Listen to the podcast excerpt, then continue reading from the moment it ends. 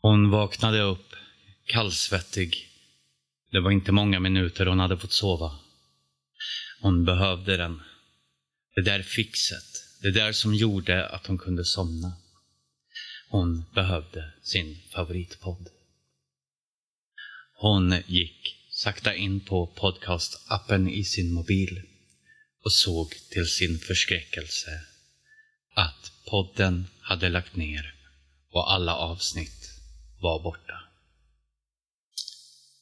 Den skräckhistorien har vi inte del av, då eh, vi faktiskt inte har lagt ner. Jag har haft magsjuka och corona, dock inte samtidigt, tack och lov. Men nu är vi tillbaka igen, jag och Mikaela.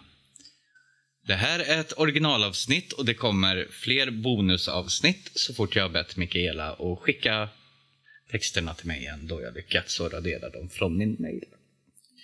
Men idag så ska vi få höra Skogsarbete, skriven utav Mikaela Schmidt och uppläst av mig, Tommy Nordin. Vi är äntligen tillbaka och vi tänker inte gå någonstans. Den skräckhistorien slipper ni.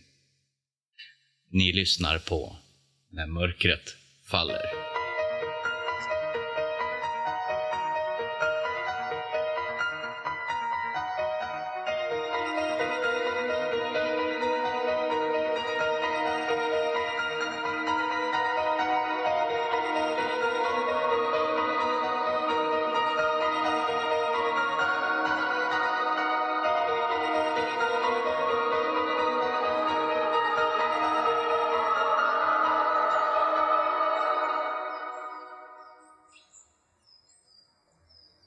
Min farfar var till yrket vägmästare, men i sin ungdom jobbade han som skogsarbetare. Det här var långt före motorsågar och tunga skogsmaskiner. På den tiden man fällde träd för hand, ett i taget. Ett gäng robusta, starka män anlitades för att under vinterhalvåret ge sig in i skogen för att hugga träd som senare på året flottades nedför älvarna till sågverken. De här männen var ofta som träden det tog, sega, tåliga och orubblig i sitt lugn. Ibland kunde området de arbetade på ligga en bra bit hemifrån och då byggde de sig en koja och bodde i den tills arbetet var slutfört. Trots kyla och mörker. Åt kolbullar med amerikanskt fläsk eftersom det var vad stora starka karar åt och eftersom det var gott. Jobbade och slet hårt för mager lön men satte en ära i att göra det bra. Inget slarv, inget gnäll. Det här var på den tiden som människorna fortfarande mindes att skogen är ett levande väsen och anpassade sig efter det. De här männen visste precis vad man fick ta och inte, vilka djur som fanns och inte fanns, vilka fler som bebodde skogen, eller inte gjorde det och var där ändå. Hur skulle man hantera allt detta? De kunde läsa naturens stora bok. De hade kunskaper som för länge sedan försvunnit och nu bara finns kvar som ett vagt minne längst bak i medvetandet.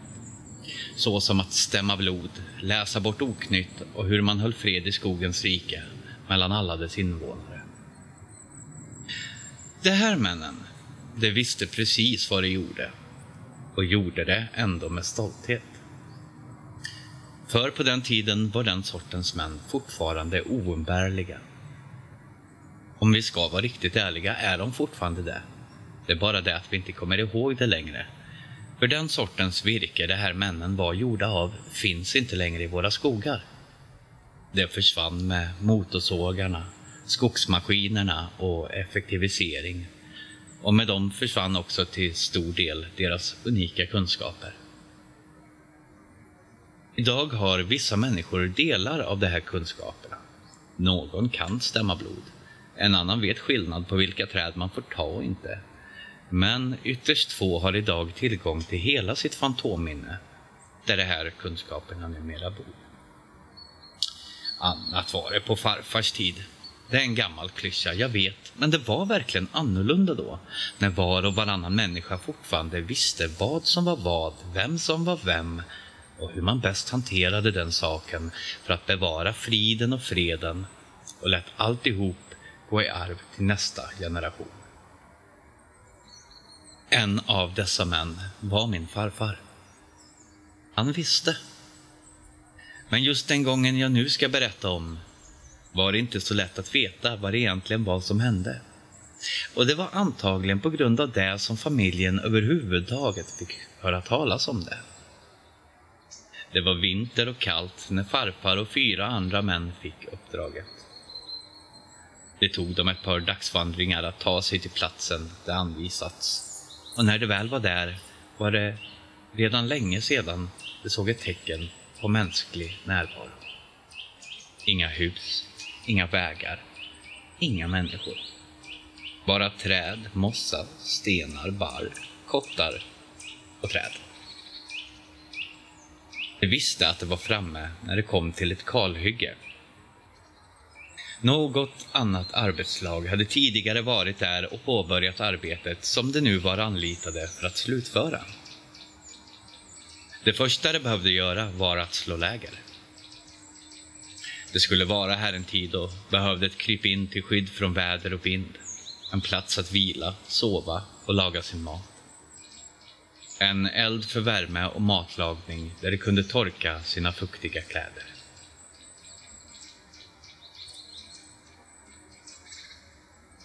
De trodde nog att det redan fanns en koja där någonstans eftersom det varit ett arbetslag tidigare.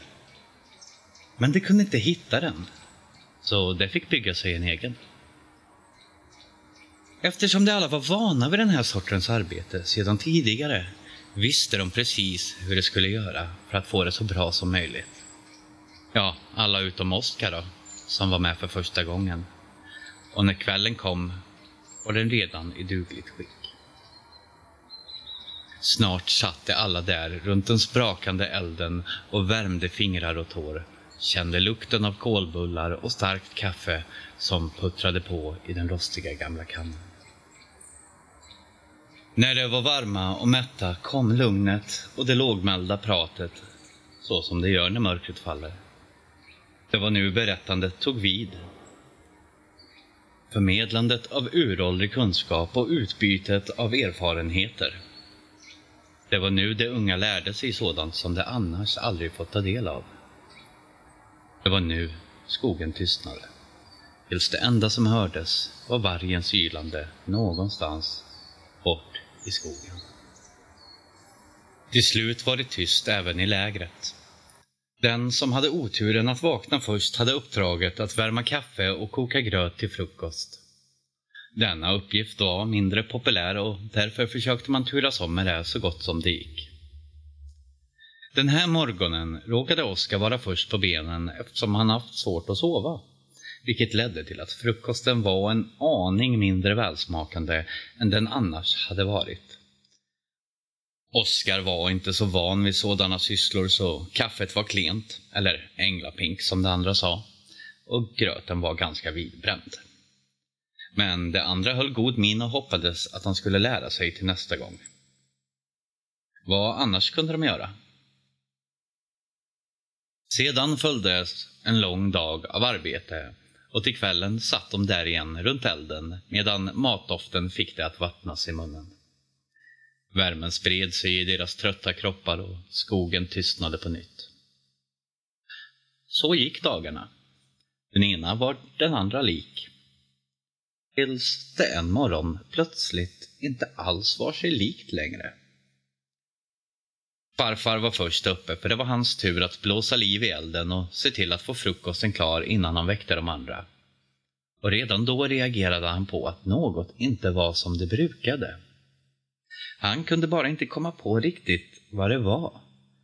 Fast han funderade över den saken hela tiden medan han gick där och pysslade med sitt. Det var en känsla bara. En stund senare hade alla kommit på fötter och satt med varsin gröttallrik och en kopp kaffe. Ingen var särskilt pratsam. Kanske berodde det på den tidiga timmen. Eller också på att de alla märkte av det annorlunda. Vad tyst det är, sa Oskar till slut. Ja, skogen tiger, svarade en av de andra och då först förstod farfar vad det var som han märkt av redan när han kom upp. Skogen teg.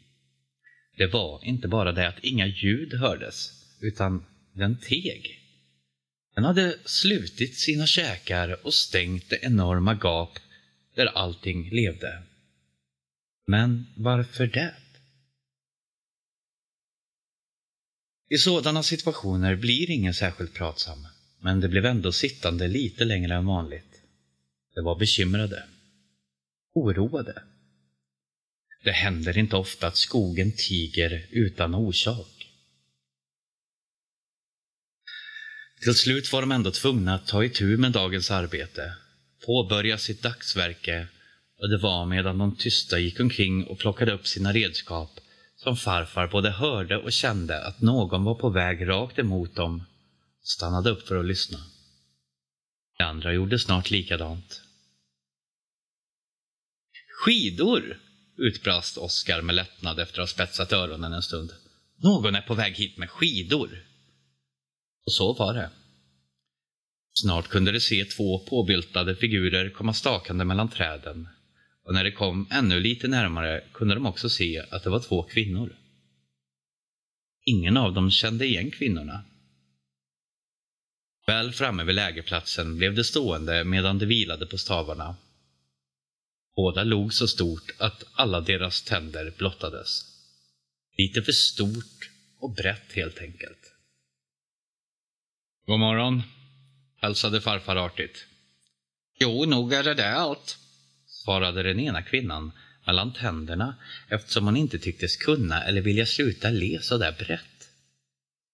Farfar skulle senare beskriva just den detaljen som att det var som att hennes ansikte fryst fast i det läge det nu var. Vi kom för att låna en kniv, fortsatte kvinnan. En vassen, ni får tillbaka den. Oskar, som var lika förtjust i kvinnfolk som han var dålig på att laga mat, ja, fortfarande, erbjöd genast kvinnorna sin kniv. Kvinnorna tackade, tog emot och försvann sedan samma väg inte kommit. Skogen fortsatte att tiga, men jobbet måste göras och snart var det i full gång med dagens sysslor. Timmarna gick och det var mitt på dagen innan kvinnorna kom tillbaka med kniven och tackade så mycket för lånet. Det råkade bli farfar som tog emot den och när han gjorde det så såg han att den var väldigt smutsig. Bladet var täckt av något mörkt och skaftet kändes kladdigt när han tog emot den. Det såg ut som blod. Luktade så också. Vad har ni gjort egentligen? frågade han kvinnan med det stelfrusna leendet. Det tål inte att talas om.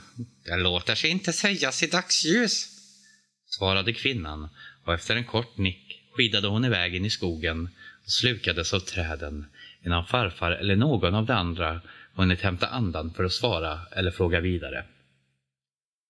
De fortsatte med dagens arbete, men de funderade alla var och en för sig. Och skogen fortsatte att tiga. Den kvällen blev de sittande uppe länge och pratade. Vad var det här för kvinnor egentligen? De såg ju alla att det var samiska, men vad de visste fanns inga samer här omkring, åtminstone inte så här års. Vad gjorde de i skogen? Vad var det för fel på deras ansikten? Vad i hela fridens dagar hade de gjort med kniven? Hade de mördat någon? Det var alla både nyfikna och kanske inte rädda direkt, men oroade och uppjagade. Detta hade ingen av dem varit med om tidigare. Sent på kvällen fattade de ett gemensamt beslut. I gryningen nästa dag skulle de följa kvinnornas spår för att se om de kunde få reda på vad det var de hade haft för sig med Oskars kniv. När de slutligen gick och la sig tog det tid för dem att somna trots att de var utmattade efter dagens arbete och alla funderingar. Fler än en av dem låg vaken och stirrade upp i kojans tak trots att de inte ens såg det i mörkret. För när det blir mörkt i skogen, då är det mörkt på riktigt. Och inte så där nästan mörkt som det blir där människor finns. En efter en somnade det till sist och skogen som nu tigit i snart ett dygn var skrämmande tyst även för att vara skogen på natten. När morgonen äntligen kom skyndade de sig att få i sig frukost och sedan spände de på sig skidorna för att följa kvinnornas spår. Det var tur att det inte kommit snö under natten. Det gjorde det mycket lättare att följa spåret efter deras skidor och stavtag. Men det var långt. Solen stod högt på himlen och dess strålar gnistrade i snön när det till slut kom fram till den plats där det måste ha hänt. Vad det nu var som hänt. Här slutade nämligen spåren efter kvinnorna vid en stor, yvig gammal gran. En sån där riktig gamling med tjocka, långa grenar som spretar som fingrar på en skeletthand. Och så tät att två människor lätt hade kunnat gömma sig under de understa grenarna utan att synas. Marken runt det gamla trädet var upptrampat, både av skidor och fotspår. Det var så många fotspår att det såg ut som att det varit en hel folksamling där. Och där fanns blod utspillt i snön. Farfar tvekade länge, kanske rädd för vad han skulle finna. Men så tog han sig i kragen, svepte undan de lägsta grenarna och kikade in under det mörkgröna draperiet. Det luktade förfärligt illa. Farfar blev tvungen att kväva sitt äckel och hostade och fräste. Men det var inte det som gjorde störst intryck på honom. Det var vad han såg i dunklet där under grenarna. Runt hela stammen satt lodjursöron uppspikade. Inte bara ett par, eller kanske två, utan många. Riktigt många. På alla sidor av stammen och så långt upp han kunde se satte lodjursöron. Farfar släppte ner granens grenar igen och vände sig bort i avsmak samtidigt som Oskar utbrast. Det verkar som att bara den ena kvinnan åkt härifrån. Bara ett par skidor och ett stavpar har lämnat trädet. Precis i det ögonblicket valde skogen att sluta tiga och den öppnade åter sitt väldiga gap. Men det var inte de vanliga ljuden. Eller naturligtvis de också. Men det var inte det som nästan skrämde dem från vettet. Det var tisslandet och tasslandet. Något som lät som viskningar, men som kunde ha varit vinden. De kände sig iakttagna och såg sig vaksamma omkring, men utan att se något. Oskar slängde ifrån sig sin kniv, den som han lånat ut och som han egentligen var väldigt stolt över, och började snabbt skida tillbaka mot lägret. De andra smittades av hans panik och följde efter. De kände sig hela tiden iakttagna. Det kändes som att något eller någon jagade efter dem och de åkte fortare och fortare. Antrutna, svettiga och vettskrämda nådde de slutligen fram till den relativa tryggheten i lägret och sjönk utmattade ihop runt elden så snart de fått fyr på den. Det här är historien som jag har fått berättad för mig. Farfar och det arbetslag han ingick i den gången slutförde sitt uppdrag utan fler incidenter. Alla utom Oskar. Han for hem dagen därpå och hämtade sig visst aldrig riktigt från den där upplevelsen sägs det. Farfar själv förstod aldrig vad det var han bevittnade den där gången. Och det gör inte jag heller. För detta är de ledtrådar som finns. Och man blir inte klok på det. En sak till förresten. Året därpå återvände farfar till den där platsen.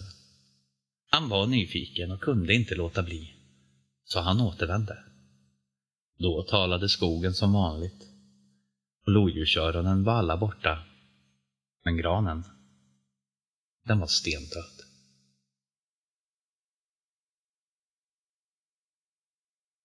Ni har hört Skogsarbete, skriven av Michaela Smith och uppläst av mig, Tommy Nordin. Och vad var det där i skogen? Vilka var kvinnorna? Varför gjorde de som de gjorde? Och hur? Kunde det hända? Att granen var stendöd? Det är många frågor vi har som vi kanske aldrig får svar på. Min eh, fråga till er är, kan inte ni skicka in era upplevelser? En berättelse om det har hänt er någonting. Eller en historia ni själva har skrivit. Det vore jättekul för mig att få läsa upp. För nu är vi tillbaka och det är i full rulle. Och jag hoppas att ni kommer att fortsätta lyssna och dela gärna podden. Följ oss gärna på Instagram där vi heter NMFPOD. NMF-podd alltså, med ett D. Och eh, gärna på Facebook också. Det vore kul om vi fick igång Facebookgruppen med eh, eftersnack. Så gå in och kika på den också, när mörkret faller eftersnack. Och prata gärna om det här avsnittet. Tills nästa avsnitt kommer så hoppas jag att ni låter bli att gå ut i skogen. Eller åtminstone är väldigt försiktiga när mörkret faller.